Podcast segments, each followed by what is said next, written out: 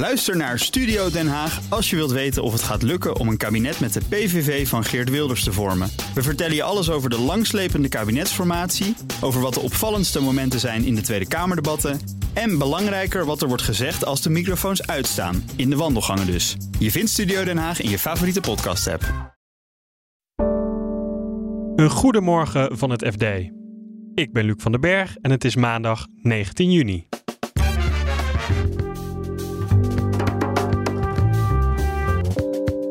Advocatenkantoor De Brouw heeft een zwaar jaar achter de rug. Maar hebben ze wel gekozen om een aantal partners die naar verluid minder omzet maakten, om eerder afscheid te nemen dan gepland.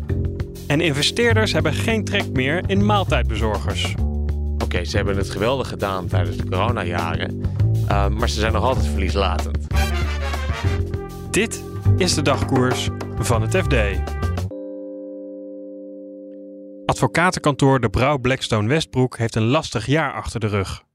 Het grootste kantoor van Nederland zag veel partners vertrekken en de omzet daalde met bijna 12% Zuidas-redacteur Martijn Pols legt uit waar de interne onrust vandaan komt. we hebben uh, drie kwart jaar geleden uitgebreid eh, onderzoek gedaan naar, uh, naar de situatie binnen de brouw. Er was uh, sprake van interne onrust, kregen wij te horen. En uiteindelijk hebben we daarvan kunnen achterhalen dat dat had te maken met de strategie en de winstdeling.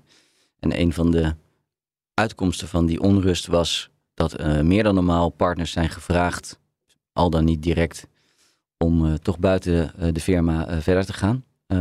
omdat dat partners waren die weliswaar net zoveel winstdeling kregen als andere partners, maar niet zoveel omzet binnenhaalden. Dus uiteindelijk zijn er, we hebben kunnen ongeveer kunnen nagaan, meer, net iets meer dan 10 partners vertrokken. Op een totaal van, van toen nog 50. Dus dat was wel een, een fors aantal.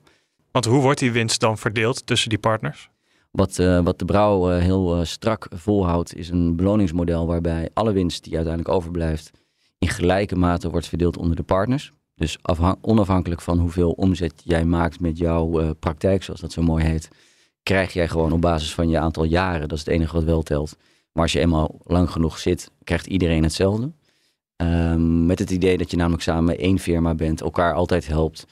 Uh, maar dat begon te wringen omdat sommige praktijken binnen, binnen, binnen het kantoor veel meer omzet binnenhalen dan andere. En dan, uh, ja, dan worden de verhoudingen wat scheef. Dat was, uh, dat was aanleiding voor, voor discussie. En er is ook wel degelijk gediscussieerd of dat model misschien wel van tafel moest. Uiteindelijk is ervoor gekozen om dat te houden, want de brouw vindt het belangrijk. Maar hebben ze wel gekozen om een aantal partners die naar verluid minder omzet maakten, om eerder afscheid te nemen dan gepland.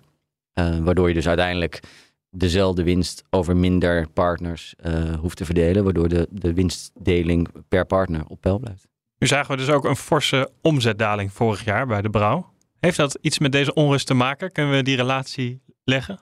Nou, dat is natuurlijk altijd een, uh, een, lastige vraag om te beantwoorden. Uh, omdat één, de brouw natuurlijk ook niet zomaar zijn jaarcijfers bekend maakt, zoals bedrijven dat normaal gesproken doen, maar gewoon in stilte bij de Kamer van Koophandel een jaarrekening deponeert. Dus die hebben wij uiteraard gevonden Daarom kunnen we de cijfers ook melden, maar ze geven daar verder voor de buitenwereld geen uitleg over wat zij denken dat daar uh, gebeurt. Uiteraard hebben we het ze gevraagd.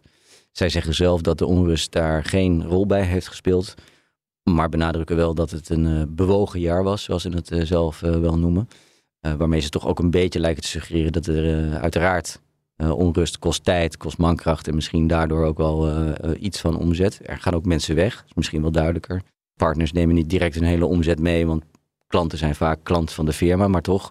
Het kan ook zijn dat sommige klanten uh, gaan vertrekken of mogelijk uh, vertrekken. De grootste klap, zeggen experts ook, zit hem toch in de fusie- en overnamemarkt.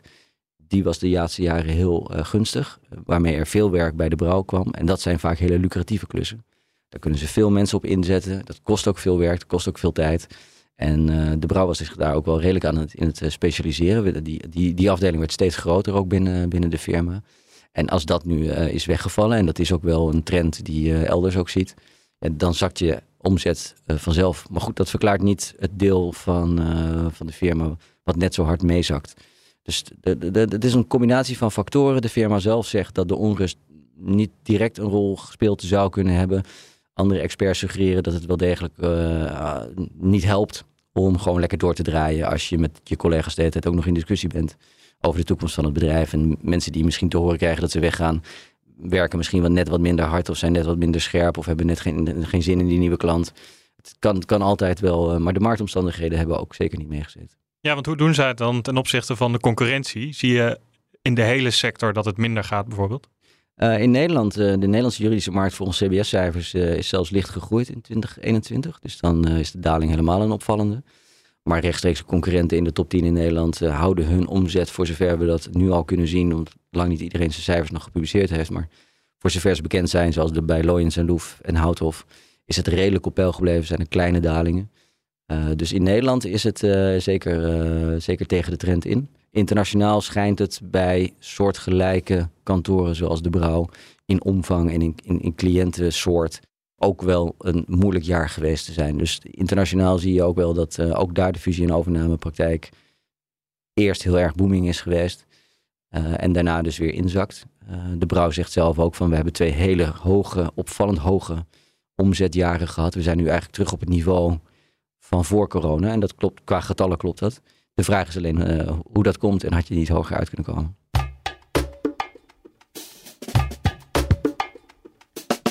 In de coronaperiode waren maaltijdbezorgers als Just Eat Takeaway en Deliveroo erg succesvol. Maar nu verliezen deze bedrijven snel beurswaarde. Beursredacteur Remy Bouwrichter legt uit waarom beleggers het niet meer zien zitten in de bezorgdiensten. Die beurswaarde was natuurlijk in eerste instantie een soort reflectie van wat beleggers dachten dat die bedrijven waard waren en vooral tijdens de coronacrisis waren die in de ogen van beleggers heel veel waard. Iedereen moest wel online bestellen. En dat, nou, dat deden wij met z'n allen ook.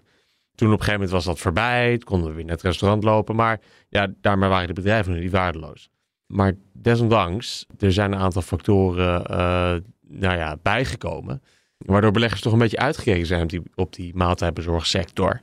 En welke factoren zijn dat? Nou ja, je hebt een andere evidente factor. Dat zijn de stijgende rentes. Hè? Het lenen van geld wordt duurder. En um, nou ja, die maaltijdbezorgers. Oké, ze hebben het geweldig gedaan tijdens de coronajaren. En ze doen nog altijd goed. Um, maar ze zijn nog altijd verlieslatend. Over heel 2022 uh, verloor bijvoorbeeld uh, Delivery Hero. Dat is de Duitse concurrent van Just Eat Takeaway. Bijna 3 miljard euro. Deliveroo, dat Nederland inmiddels heeft verlaten, heeft omgerekend iets van 400 miljard verloren in 2022. Just Eat Takeaway maakte dan wel een winst van 19 miljoen, maar dat is een bruto winst. Als je alle kosten aftrekt, uh, kom je uit op een netto verlies van 5,7 miljard. Je noemt de stijgende rente, maar als ik zo denk van zij hebben wat minder last van bijvoorbeeld hogere gasprijzen of hogere voedselprijzen, want ja, dat ligt allemaal bij die restaurants. Inderdaad, daar hebben zij zelf geen last van. Um, maar wat natuurlijk wel meespeelt, is dat de consument nou ja, last heeft van hogere voedselprijzen. Uh, en die heeft gewoon ja, minder besteedbaar inkomen uit te geven aan, aan voedsel. Uh, nu met inflatie. Gemiddeld was een consument in 2022 130% meer aan een maaltijd van buiten de deur kwijt. Dan uit een eigen maaltijd. Een supermarktmaaltijd, zeg maar. Nou ja, als je besteedbare inkomen als zo'n groot deel daarvan bestaat uit voedsel, dan is die 130% wel een makkelijke post om eh, op te besparen. Hoe kunnen deze bedrijven hun verliezen nu proberen te beperken of zelfs weer een beetje groeien? Nou ja, de meeste groei die de bedrijven kunnen behalen, los van een nieuwe markt betreden, is van elkaar wegsnoepen. Klanten wegsnoepen van elkaar. En dat kunnen ze doen met abonnementen, met loyaliteitsdiensten. Maar ze kunnen niet meer met kortingen gaan smijten zoals het vroeger deden. Dat je bijvoorbeeld een uh, voucher van uh, 20 euro van, uh, ik zeg maar wat, Uber Eats in je brievenbus krijgt. Dat kost ze winst. Is het ook nog denkbaar dat ze elkaar over gaan nemen? Dat we uiteindelijk maar één grote partij overhouden? Het is zeker niet uitgesloten, maar het groeigeld ligt niet meer voor het oprapen. En nou ja, als één voorbeeld uh, afschrikt, dan is het wel Just Eat Takeaway. Dus dat is de moeder van Thuisbezorgd. Die nam in 2021, tijdens de topperiode, uh, nam Just Eat Takeaway Grubhub over. Dat is een Amerikaanse speler, een hele grote. Die bleek niet zo winstgevend als ze dacht. En onder druk van aandeelhouders van Just Eat Takeaway zette Just Eat Takeaway Grubhub weer te koop. En ze moesten daar een verlies op nemen van ja, minstens 3 miljard in hoeverre hebben deze maaltijdbezorgers nog last van de regels die er komen rondom de lonen voor hun bezorgers? dat is nog een hele zware donkere wolk. In de Europese Unie ziet het er naar uit dat er een richtlijn komt voor de inzet van freelancers door digitale platforms. Dat wordt gereguleerd uh, vanaf 2024. En het is een richtlijn. Dus vanaf dan hebben landen nog twee jaar de tijd om die richtlijn uh, om te vormen naar, naar een wet. Maar zeker is wel dat, ja, dat er beperkingen komen op het gebruik van freelancers. En dat is voor de meeste maaltijdbezorgers en ook voor de Delivery Hero, kan dat in allerergste geval 20 tot 30 procent meer kosten opleveren. Maar Just Eat Takeaway, het moederbedrijf van Thuisbezorgd, ja. die hebben hun bezorgers al in dienst. Dus hebben die, die moedigen dit aan. Ja. Die moedigen dit aan. Voor hen is het geen probleem. Maar dan hebben ze wel weer in Amerika uh, een probleem. Dan weer met Grubhub. Uh, daar, is, daar geldt vanaf 12 eh, juli, dus uh, nou ja, over drie weken, een minimumtarief dat de platforms moeten betalen aan hun couriers. En dat is echt specifiek voor couriers van voedsel, digitaal besteld voedsel. Um, en, en nou ja, dat, dat, Grubhub is daar nu winstgevend, maar dat, daar zal weinig van overblijven als dat minimumtarief ingaat. volgens mij gaat het iets van, nou ja, omhoog met, met zeker 10 dollar per maand.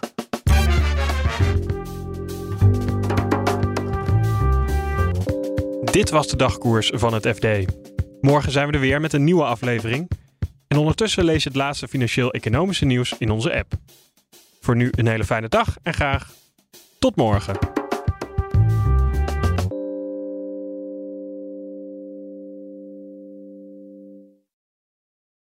Ook Thomas van Zeil vind je in de BNR-app. Je kunt live naar mij luisteren in Zaken doen. De BNR-app met breaking news, het laatste zakelijke nieuws... en je vindt er alle BNR-podcasts, bijvoorbeeld Het Nieuwe Geld. Download nu de gratis BNR-app en blijf scherp.